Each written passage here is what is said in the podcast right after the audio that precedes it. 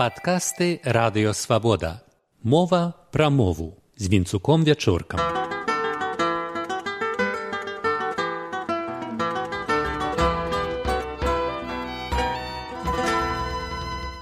Вітаю шаноўнае спадарства.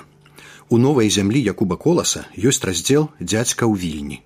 Машына стала, валіць валам люд у тунэлі под вакзалам, а з ім і дзядзька цісне збоку, ад шэрых світ непадалёку.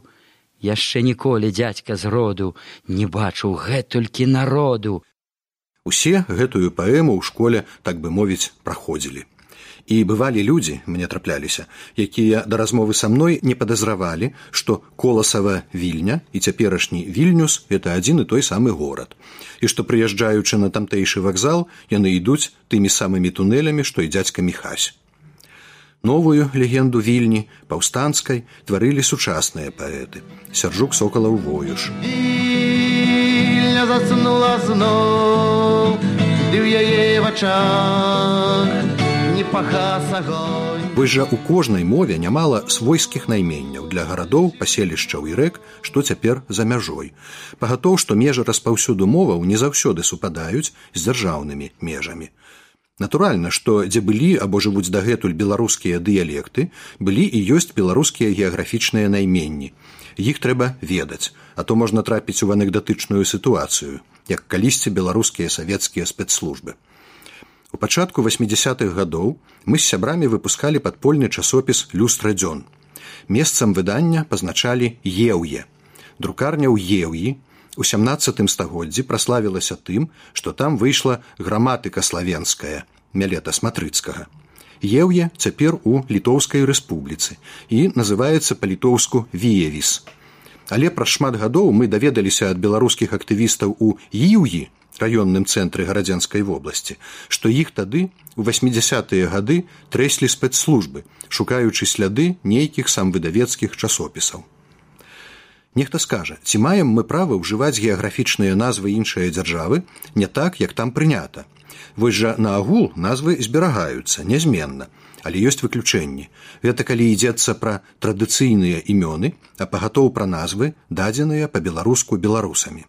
У вялікім княстве дзяржаўнаю моваю была старабеларуская і ўвогуле ўсе геаграфічныя назвы ў дакументах фіксаваліся адпаведна беларускім гукавым і граматычным асаблівасцям, як славянскага, так і балцкага і всякага іншага паходжання.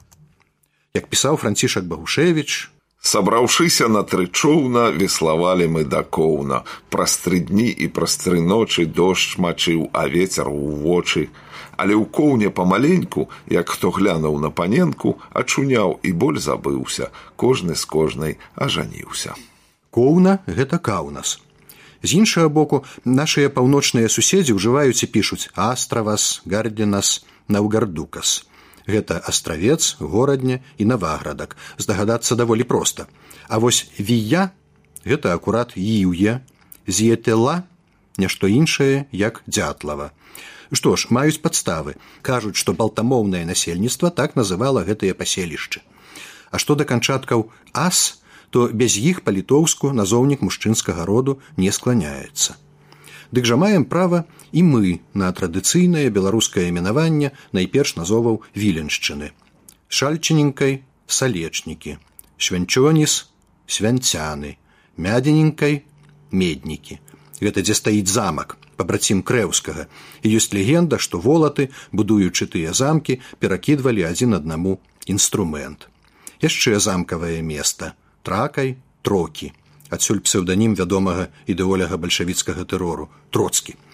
Таксама друскененькай друскенікі ну і вядома кетуряздящым тоторю сорок татараў а віленскі раён ужупіс населены мастацкай багемай цяперашнюю сваю назву атрымаў шляхам калькавання старажытнага беларускага тапоніма зарэчча бо ён за рэчкай віленкай не толькі тапонімы ў зоне распаўсюду беларускіх гаворак мелі ў пару вКл беларускія формы.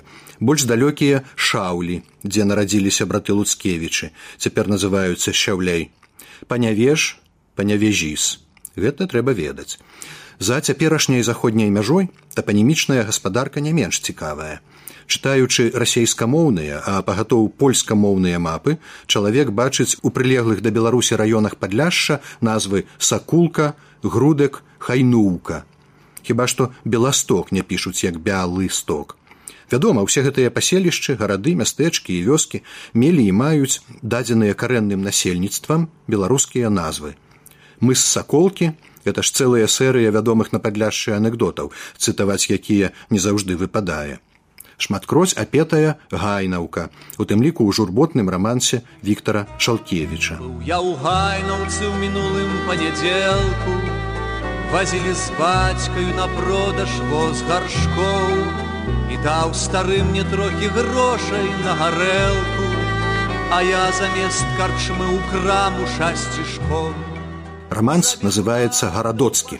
Дарэчы, і штогадовы беларускі фестываль рок-музыкі басовішча адбываецца ў гарадку, а не ў мястэчку грудек. Ды і за паўднёваю мяжою знойдзем традыцыйныя беларускія назовы. Як па-ўкраінску білый снег, а па-беларуску белы снег, так і чарнігіў па-беларуску быў чарнегаў. За ўсходняю мяжою трэба зважаць на правільны націск у назвах наддзвінскага гораду вяліж, а таксама змрочна вядомага смаленскага прадмесця катынь. Менавіта так кажуць карэнныя жыхары. З вами быў вінцук вячорка.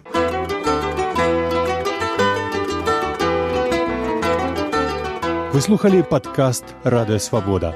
Усе падкасты свабоды ў інтэрнэце на адрасе свабода кропка орг. Штодня, у любы час, у любым месцы, калі зручна вам. Свабода кропка орг. Ваша свабода.